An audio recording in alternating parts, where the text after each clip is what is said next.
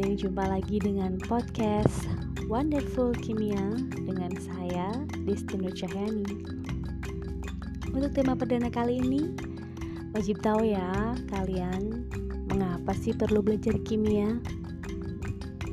Ya, tahu sendiri kan? Kimia buat apa dipelajari? Isinya abstrak dan bahkan sering jadi momok pelajaran yang patut dihindari. Iya nggak sih? Nah, kali ini semoga bisa mengubah citra kamu ya mengenai kimia itu sendiri. Tahu nggak sih kalian kalau kimia itu sebenarnya sangat dekat sekali dengan kehidupan kita. Contohnya nih, air. Air merupakan gabungan dari hidrogen, bertemu dengan oksigen, kemudian membentuk H2O, so pasti air merupakan zat kimia. Gak nyangka ya, udara yang kita hirup merupakan oksigen. Oksigen, rumus kimianya adalah ya, tepat sekali, O2. Garam yang kita makan contohnya merupakan persenyawaan antara natrium dengan klorin membentuk NaCl. Gak nyangka ya, yang namanya garam, rumus kimianya adalah natrium klorida. Jadi, kimia bukan melulu mengenai hal-hal negatif seperti bom, bahan berbahaya, yang sering diasumsikan oleh kebanyakan orang. Bahkan, ada produk makanan yang diberi label tanpa bahan kimia. Ya, ini merupakan sebuah kekeliruan. Kalimat ini seolah-olah menjadi kalimat sepihak dari produsen agar makanannya dipandang aman oleh konsumen. Karena dulu Maraknya penggunaan formalin dan boraks pada makanan, bahkan kosmetik, mendorong produsen memanfaatkan peluang tersebut dengan melabelinya dengan tulisan tanpa bahan kimia. Nah, apakah berarti produk tersebut tidak mengandung bahan kimia? Dan apakah bahan kimia itu aman? Lagi-lagi, salah konsep mengenai bahan kimia. Masyarakat beranggapan bahwa yang mengandung bahan kimia sudah pastilah tidak aman untuk digunakan. Masyarakat awam lupa bahwa sebenarnya tidak semua bahan kimia itu berbahaya loh. Memang sebagian ada yang berbahaya yang biasa disebut sebagai B3 yaitu bahan berbahaya dan beracun. Bahan inilah yang dimaksud sebagai bahan kimia yang berbahaya untuk digunakan. Nah, bagaimana dong tahu produk tersebut mengandung bahan kimia berbahaya? Masyarakat perlu sekali ya mendapatkan edukasi untuk mampu memilih produk mana yang terhindar dari daftar bahan kimia berbahaya. Ini masyarakat sudah terbantu tentunya dengan adanya BP POM yang selektif dengan menguji produk-produk tersebut dari bahan B3. Ya pastinya kalian lebih baik memilih produk yang jelas ada nomor BP POM pada label. Selain itu, kalian bisa pastikan membeli produk di tempat yang terpercaya.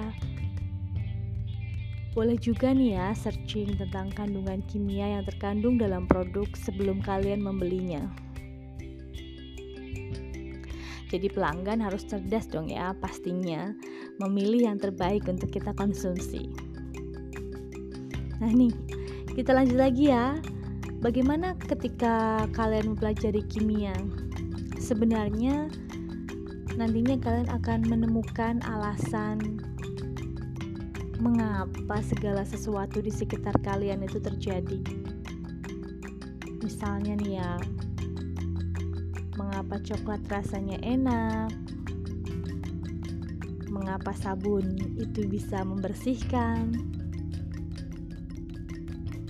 atau mengapa langit biru ya? Memahami segala sesuatu di lingkungan kita, mulai dari pasta gigi yang kita gunakan, mulai dari baterai ponsel, baterai laptop yang mengisi daya baterai kalian setiap hari. Setiap reaksi di alam diatur oleh kimia. Dari karat logam hingga pencernaan kita. Kemudian mengapa kita menangis ketika memotong bawang? Hanya karena asam sulfat dan enzim yang terkandung dalam sel bawang dilepaskan ketika kalian mulai mengirisnya.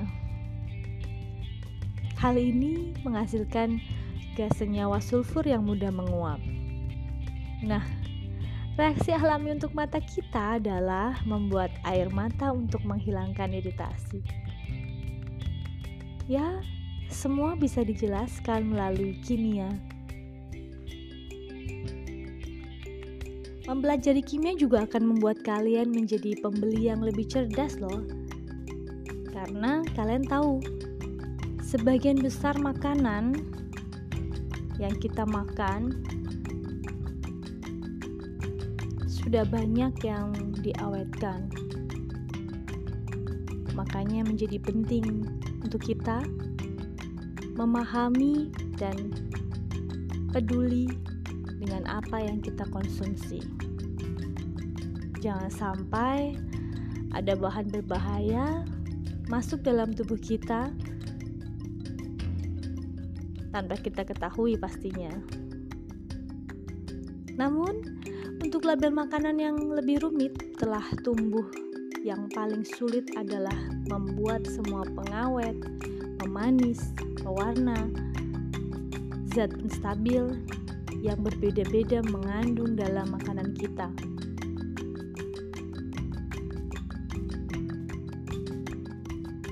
Nah, bagaimana kita akan tahu mana yang aman untuk dimakan dan mana yang harus kalian hindari dalam makanan kalian?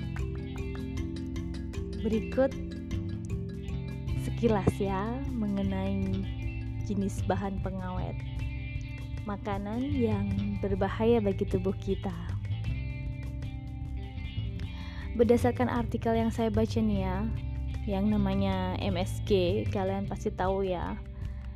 MSG adalah monosodium glutamat atau sering kita sebut apa? Ya betul, biasa sering kita sebut micin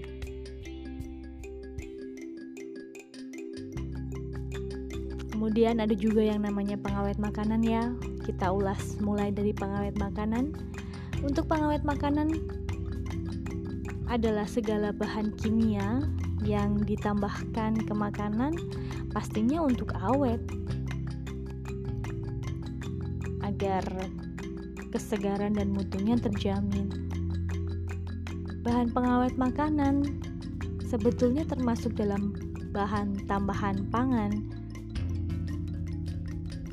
tetapi kalian harus tetap waspada nih karena sejumlah pengawet ada yang berbahaya bagi tubuh.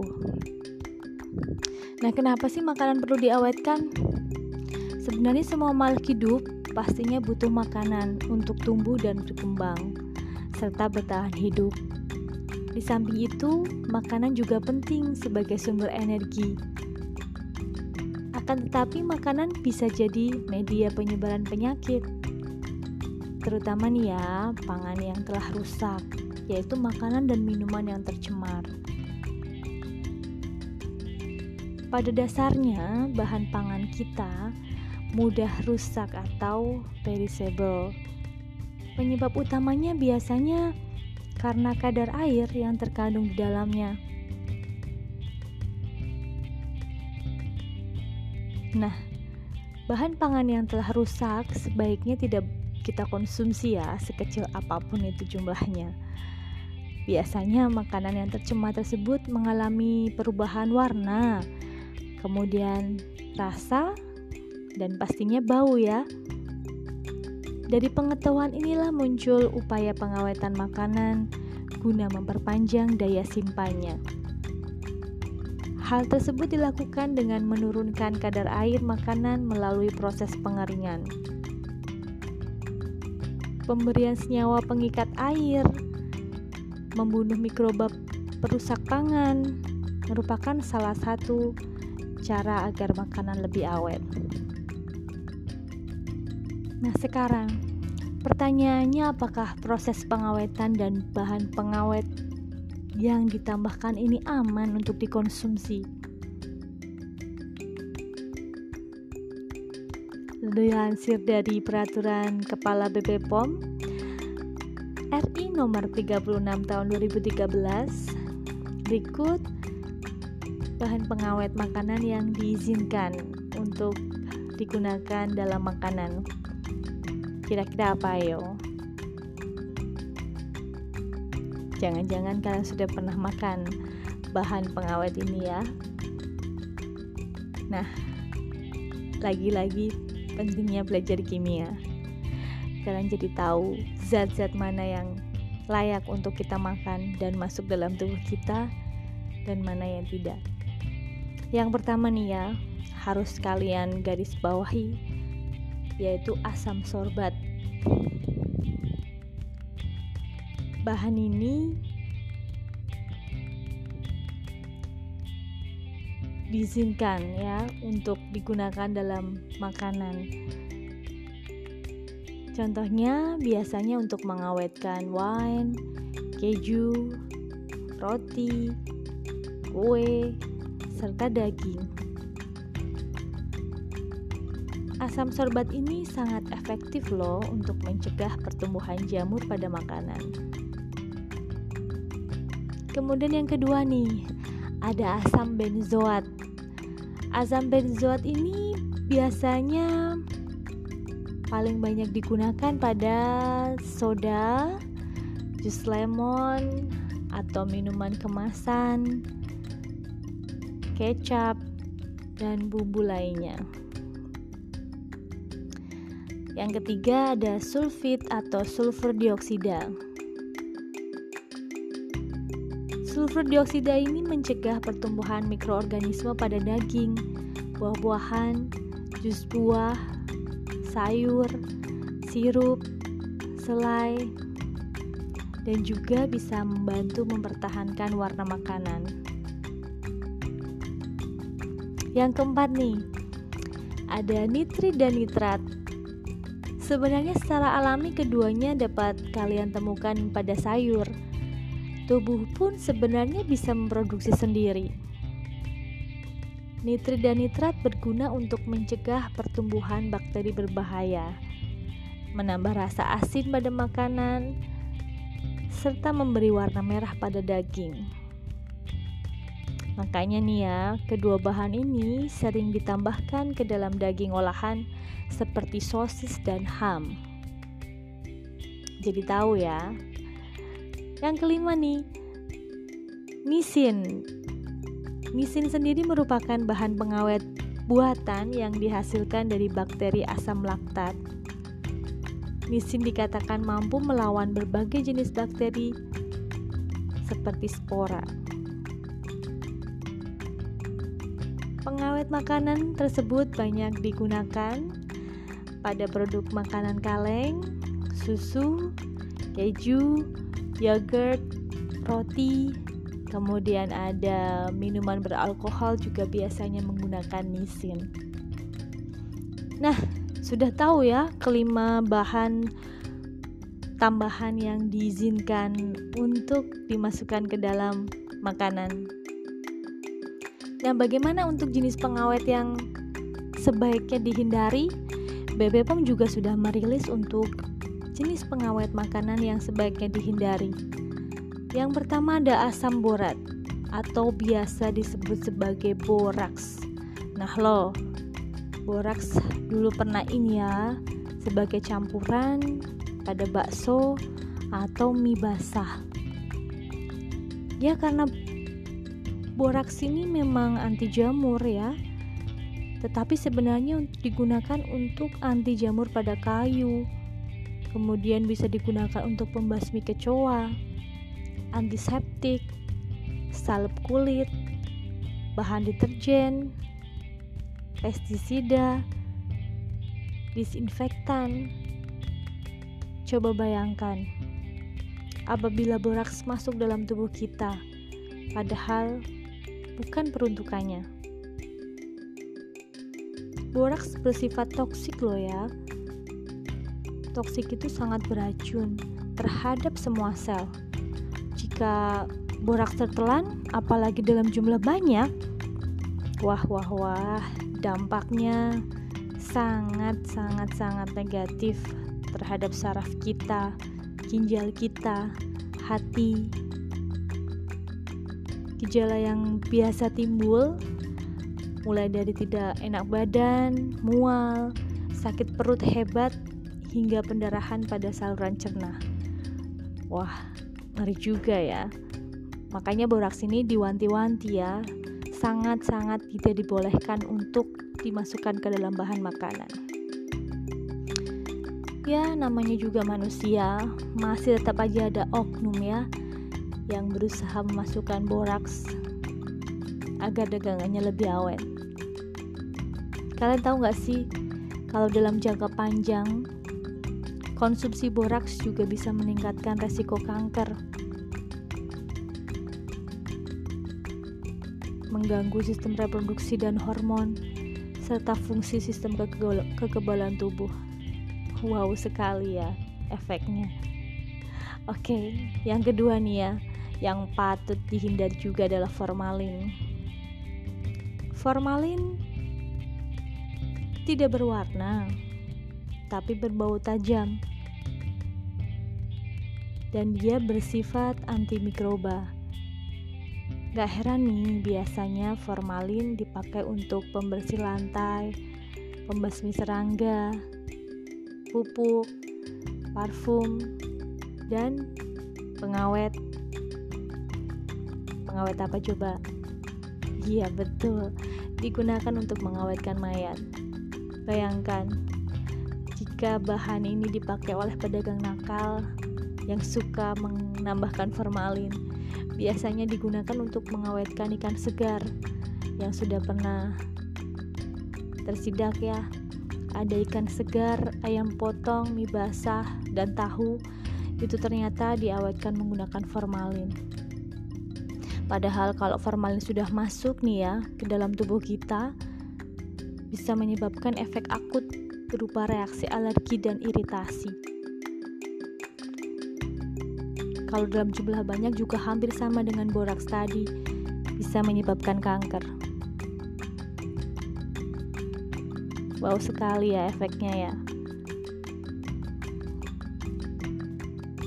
bagaimana masih mau makan makanan sembarangan dengan bahan pengawet yang sangat-sangat wow efek negatifnya efek sampingnya untuk jangka panjang maka dari itu penting sekali sebenarnya belajar kimia bagaimana kita bisa tahu bahan-bahan apa yang sebenarnya bisa kita manfaatkan dengan baik. Sebenarnya karena memang kimia kalau kita bisa manfaatkan dengan baik bahan-bahannya maka akan men, men apa istilahnya menghasilkan ya sesuatu yang bermanfaat pula bagi kita. Tapi kalau kebalikannya, kita terlalu serakah dalam menggunakan bahan-bahan tersebut, bahkan tidak sesuai peruntukannya, pastinya merugikan. Bukan cuma diri sendiri, tapi bisa jadi kita merugikan orang lain. Oke, itulah sekilas mengenai mengapa perlu belajar kimia. Masih banyak hal-hal lain yang kalian wajib tahu. Mengapa sih perlu belajar kimia? Nantikan podcast-podcast selanjutnya dari saya di Wonderful Kimia. Jangan bosan untuk mendengarkan podcast ini karena ada info-info penting yang layaknya kalian tahu. Oke, terima kasih sudah mendengarkan podcast ini sampai selesai. Kita jumpa lagi pada podcast berikutnya.